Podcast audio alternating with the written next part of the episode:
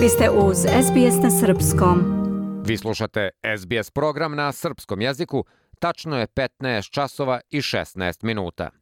Sledi opširan sportski prilog. U ovom izdanju ćemo čuti o istorijskom uspehu srpskih košarkaša kao i o novom plasmanu u finale najboljeg tenisera na svetu Novaka Đokovića.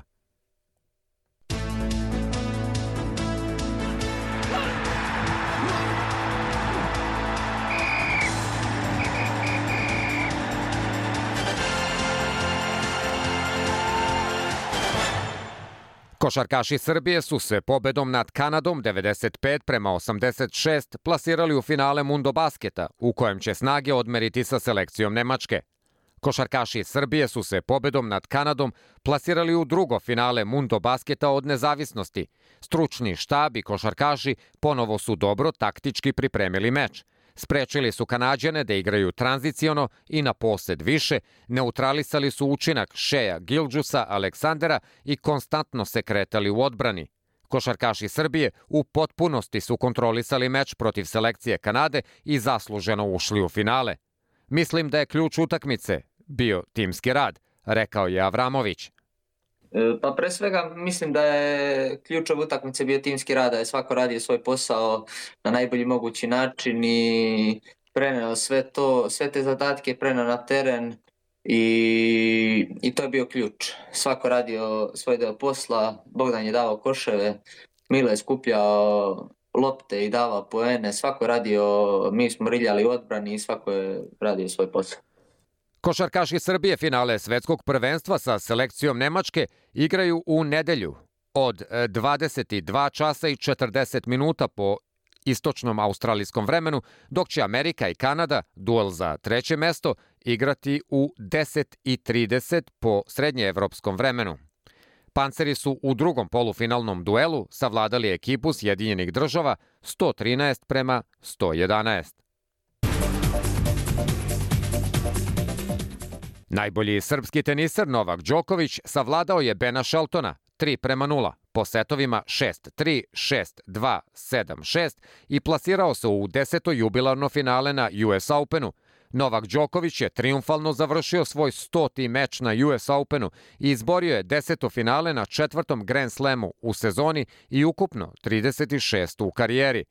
Očekujem najteži meč turnira za mene, kogod bude sa druge strane mreže.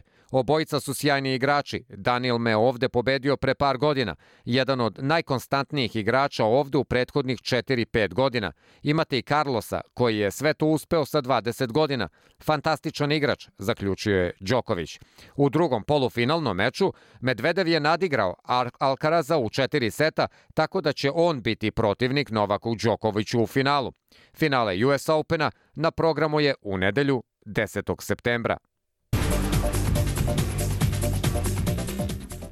Srpska atletičarka Angelina Topić postala je 28. član olimpijskog tima Srbije za olimpijske igre koje će se održati u Parizu, pošto je na mitingu Dijamantske lige u Briselu preskočila normu od 1 metra i 97 santimetara.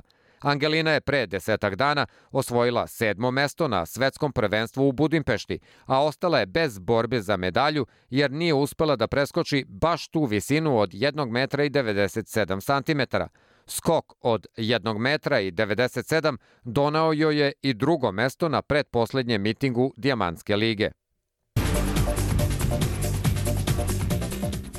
Odbojkaši Srbije u nedelju od 18 časova po srednjevropskom vremenu igraju utakmicu osmine finala Evropskog prvenstva protiv selekcije Češke.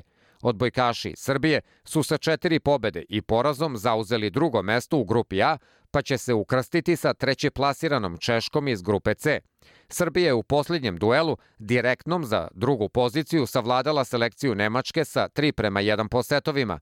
Srbija je jedini poraz u grupi pretrpela od selekcije Italije, koja je i svetski šampion. Futbaleri Srbije doživeli su prvi poraz u kvalifikacijama za evropsko prvenstvo, pošto je Mađarska bila bolja 2 prema 1 na stadionu Rajko Mitić u Beogradu u utakmici grupe G. Duel za prvo mesto u grupi G je pripao gostima. Mađari su sada na 10, a Srbija na 7 bodova. Selektor Srbije Dragan Stojković Piksi izjavio je posle poraza od Mađarske da je start bio odličan, ali su dva pogotka protivnika u 34. i 36. minuti bili šok za ekipu. Orlovi u narednom meču u nedelju gostuju kod Litvanije.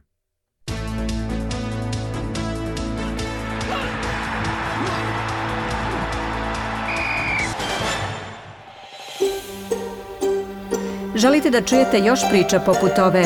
Slušajte nas na Apple Podcast, Google Podcast, Spotify ili odakle god slušate podcast.